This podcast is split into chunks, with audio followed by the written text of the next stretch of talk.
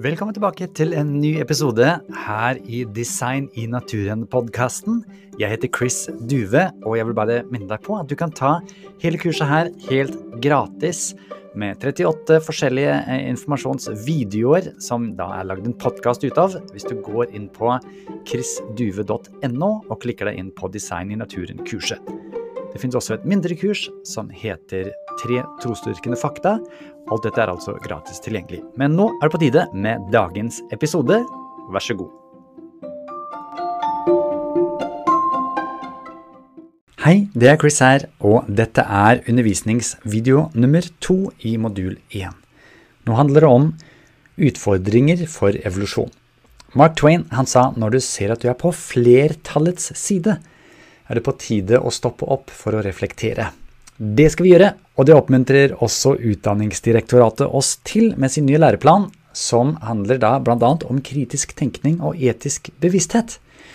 Og hvis ny innsikt skal vokse fram, står det, må etablerte ideer granskes og kritiseres. I denne leksjonen så skal vi ha om standard evolusjonsteori blir stilt spørsmål til i vitenskapelige miljøer, seriøse miljøer. Vi skal ha en haug med sitater fra evolusjonsforskere som støtter opp om dette. Vi skal snakke om hva noen av de utfordringene er som evolusjonsforskere ser, og vi skal snakke om dette med alternative teorier er alle enige, egentlig. I BI Biologi Gyldendal-serien står det i dag er det ingen seriøse naturvitenskapelige miljøer som benekter evolusjon. Og dette ordet 'benekte' betyr jo at det nesten ikke er lov, eller at du er useriøs hvis du gjør det som vi blei bedt om av fagfornyelsen, eh, nemlig å være kritisk til etablerte ting. Så det står her. Og det blir enda sterkere fordi ikke bare er det ingen seriøse naturvitenskapelige miljøer som benekter evolusjon, men det er slik at det ofte er en kilde til debatt at evolusjon har en forklaringsmodell uten å benytte en ytre kraft eller ånd. Så her begynner filosofisk og, og, religiøst, ikke sant? Og hvem er det som strever mest? Det er de kristne og muslimene som strever med dette her, fordi hvis evolusjon er så grundig dokumentert at den alene kan forklare dannelsen av liv og utviklingen, så trenger man ikke noe ytre kraft eller skaper. Er dette egentlig sant? Her står det altså fortsatt stor konflikt i religiøse miljøer. Det betyr at det må ha vært det før, og det er en myte. Hør hva NRK skole forteller barna. Kirka var veldig kritisk til forskninga hans, som viste slektskap mellom aper og mennesker.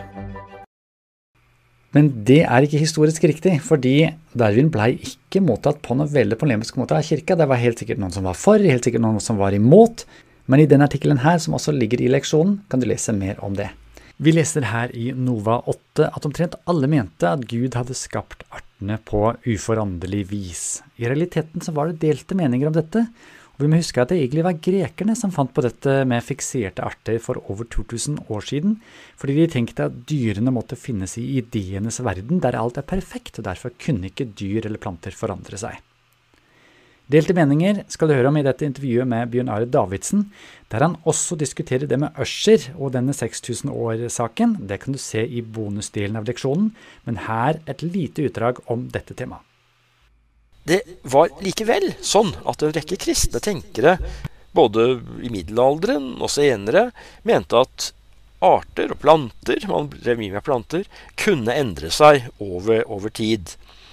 Og eh, når man så kommer til Darwin rundt 1860, så ser man at f.eks. i USA så var det to sånn toneangivende naturvitere Den ene var Asa Gray, som var, eh, var, kristen. og Han omfavnet Darwin og mente at Darwin i stor grad viste at hvordan Gud handlet i naturen.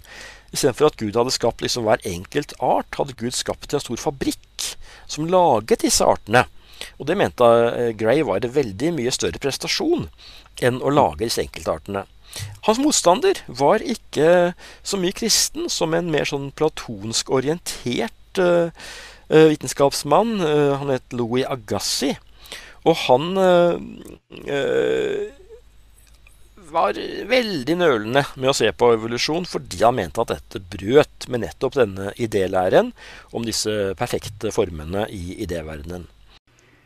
I dag er det da over 1000 forskere og sikkert mange flere med doktorgrad fra hele verden og mange forskjellige disipliner som er skeptiske. Jeg legger også lenke til den websiden hvor du kan lese hva de selv sier, hvorfor de er skeptiske, i leksjonen, og i bonusdelen kan du se en video med noen av disse forskerne. Ei av dem, som heter dr. Rebecca Keller, hun sier Darwins teori må stille spørsmål til. Den må utfordres og undersøkes, så den kan beholde sin vitenskapelige integritet. Er ikke det god vitenskap? Og for å beskytte det mot å bli et dogma, for det er jeg redd at det ofte kan bli. Men vi får lov til å tenke kritisk ifølge den nye læreplanen, og det skal vi jammen gjøre. Den gjengen her hadde jo noen utfordringer. ikke sant? De ville ha en revision, altså nye teorier som kunne forklare hvorfor ting er slik de er. Men hva var det de egentlig tenkte ikke fungerte? Det fortalte doktor Gerd Muller i åpningsseksjonen, der han hadde da fem forskjellige innsigelser. Vi skal se på tre av de. Det første han mente evolusjonen strevde med, var å forklare opprinnelsen til komplekse kroppsdeler som øye og ører. Vi leser at dette blei til gradvis, men han påpeker da at når man går i detaljen på dette her, så har vi egentlig ikke de forklaringene i evolusjonen som kreves.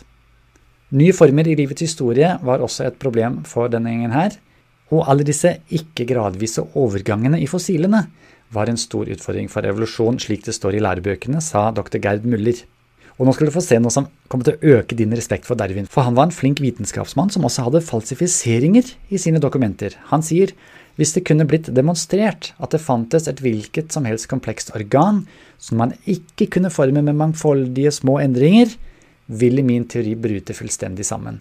Men jeg finner ingen slike tilfeller, sier Darwin. Og er det ikke flott at han har med en sånn setning? Hvis det finnes, da er teorien feil. I dag så har vi funnet ut masse mer om eh, livet og om disse komplekse organene, og vi skal se mer på det seinere i kurset. Dennis Noble, som var en av initiativtakerne til den konferansen i England, sier proteiner oppsto ikke gradvis ved mutasjoner. En annen som også var en av de initiativtakerne, er dr. James Shapiro. og Han sier det er vanskelig, om ikke umulig, å finne en genforandrende enhet som virkelig er tilfeldig i sin interaksjon med DNA i cellen. Det finnes jo slike korrekturlesningsenzymer osv.. Og, så videre, og at det er tilfeldige saker, det syns han er vrient. Han skriver også i sin bok eh, Evolution, A View from the 21st Century det er viktig å legge merke til at utvalg aldri har ført til dannelsen av nye arter, slik Darwin postulerte. Utvalg kan rendyrke, men ikke skape, og jeg har jo sauer på gården vår her, og jeg velger ut eh, da de som jeg vil avle på videre. Men da er det jo rendyrking, ikke sant? Vil jeg ha de med mer ull, med mer kjøtt, de som har lette fødsler? Men det skapes ikke noe nytt nå av naturlig utvalg. Naturlig utvalg kan forklare 'survival of the fittest', men ikke 'arrival of the fittest', sa Hugo de Fries i 1904. Dette er en stor utfordring for darwinisme. Litt mer om dette med disse fossilene. Fordi jordlag går jo nedover, og jo lenger ned man kommer, jo eldre er det jordlaget. Og der finnes det et kambrisk jordlag. Og der finner man fossiler av vidt forskjellige typer vesener. 20 forskjellige fyla. Og et fylium det er på en måte hakket ned fra dyreriket. Altså det er vidt forskjellige typer vesener. Men i laget under, som heter det prekambriske, så finner man få slag av fossiler, og det er noen som hadde myk kropp, f.eks. sånne svamper. Men ingen av de leder opp til de dyrene som vi finner i det kambriske jordlaget, som f.eks. opabinia og alle de andre 19 forskjellige typer. Eh, ikke engang dyrefamilier, men ja, fylum. Dette skjedde i en periode av 5 millioner år. Noen sier 40, noen skolebøker, men det er utdatert. Uh, uansett så er ikke 40 millioner heller god tid i en evolusjonistisk sammenheng. Det er veldig veldig kort tid. Derfor heter det den kambriske eksplosjonen, som er et begrep som kom fra Time Magazine fra 1994. En som heter eh, Gaylord Simpson, han er fra Harvard og er evolusjonist. Han sier fraværet av prekambriske fossiler bortsett fra noen mikroorganismer, det var svampene f.eks., er hovedmysteriet i livets historie. Og Darwin selv sa dersom mange arter som hører til samme familie, har startet å være til samtidig, ville dette faktumet tatt livet av teorien om at alt som lever, kommer fra én celle gjennom små endringer. Så dette er en kjempeutfordring som vi nå har sett evolusjonsforskerne ikke har et svar på i dag. Michael Egnor han sier at vi veit intuitivt at darwinisme kan få til noe og noe ikke. Spørsmålet er hvor går grensen? Og det som var interessant, var at når siste dag på konferansen kom, så veit jeg fra noen som var på konferansen, at Gerd Geir Mulle sine spørsmål var fortsatt aktuelle. Det hadde ikke blitt svar, det var veldig få alternative teorier. Unntatt av noen som satt i publikum, som da tenker en alternativ teori er design. Det skal vi se mer på, fordi spørsmålet i neste modul det blir hvordan blei det liv i cella? Hvordan begynte livet? I denne leksjonen har du lært at seriøs forskning ønsker nye teorier, fordi evolusjon strever med å forklare ikke bare de tre tingene vi har hatt om, men en hel liste som du kan også se på oppgavearket når du laster ned det. Utfordringene de ser bl.a. er hvordan skal nye organer og systemer manes fram med mutasjoner og naturlig utvalg, nye typer dyr, som vi har sett i den kambriske eksplosjonen, og at det mangler overgangsfossiler til det som vi f.eks. finner i det kambriske jordlaget, men også i mange andre jordlag når det gjelder insektene, til og med når det gjelder menneskene. Mer om det i kurset seinere. Så har vi snakket om dette med alternative teorier, og i de neste modulene så skal vi altså se på nye vitenskapelige funn som peker i retning design. Da er det tid for action. Nå er det din tur. Du kan skrive ut oppgavearket, eller du kan bruke videoen for å se på følgende spørsmål.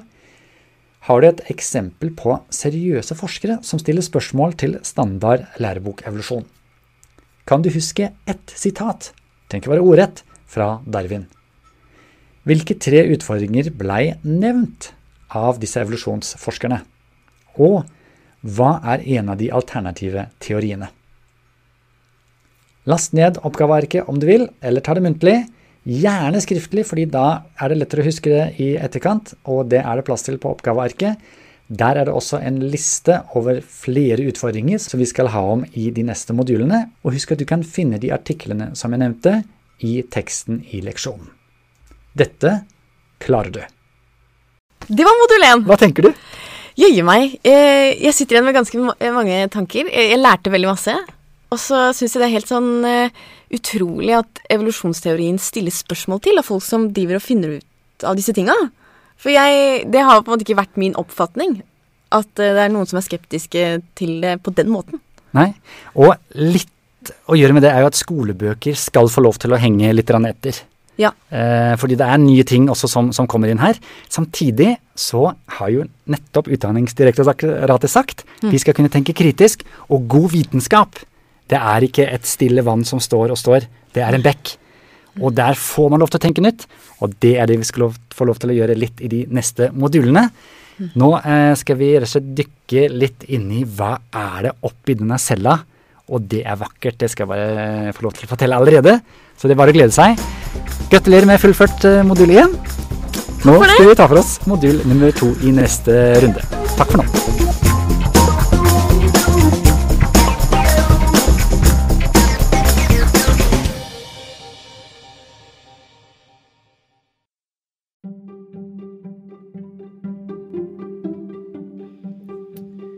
Igjen, dersom du ønsker å få tilgang til de hjelpearkene eller oppgavearkene, så er det jo fullt mulig for deg å signe opp til kurset. Da går det an å laste det ned. Hvis du går inn på chrisduve.no, så ser du all informasjonen der. Dersom du ønsker å støtte denne podkasten og annet arbeid som jeg holder på med, kan du også lese mer om det på chrisduve.no. Takk for nå.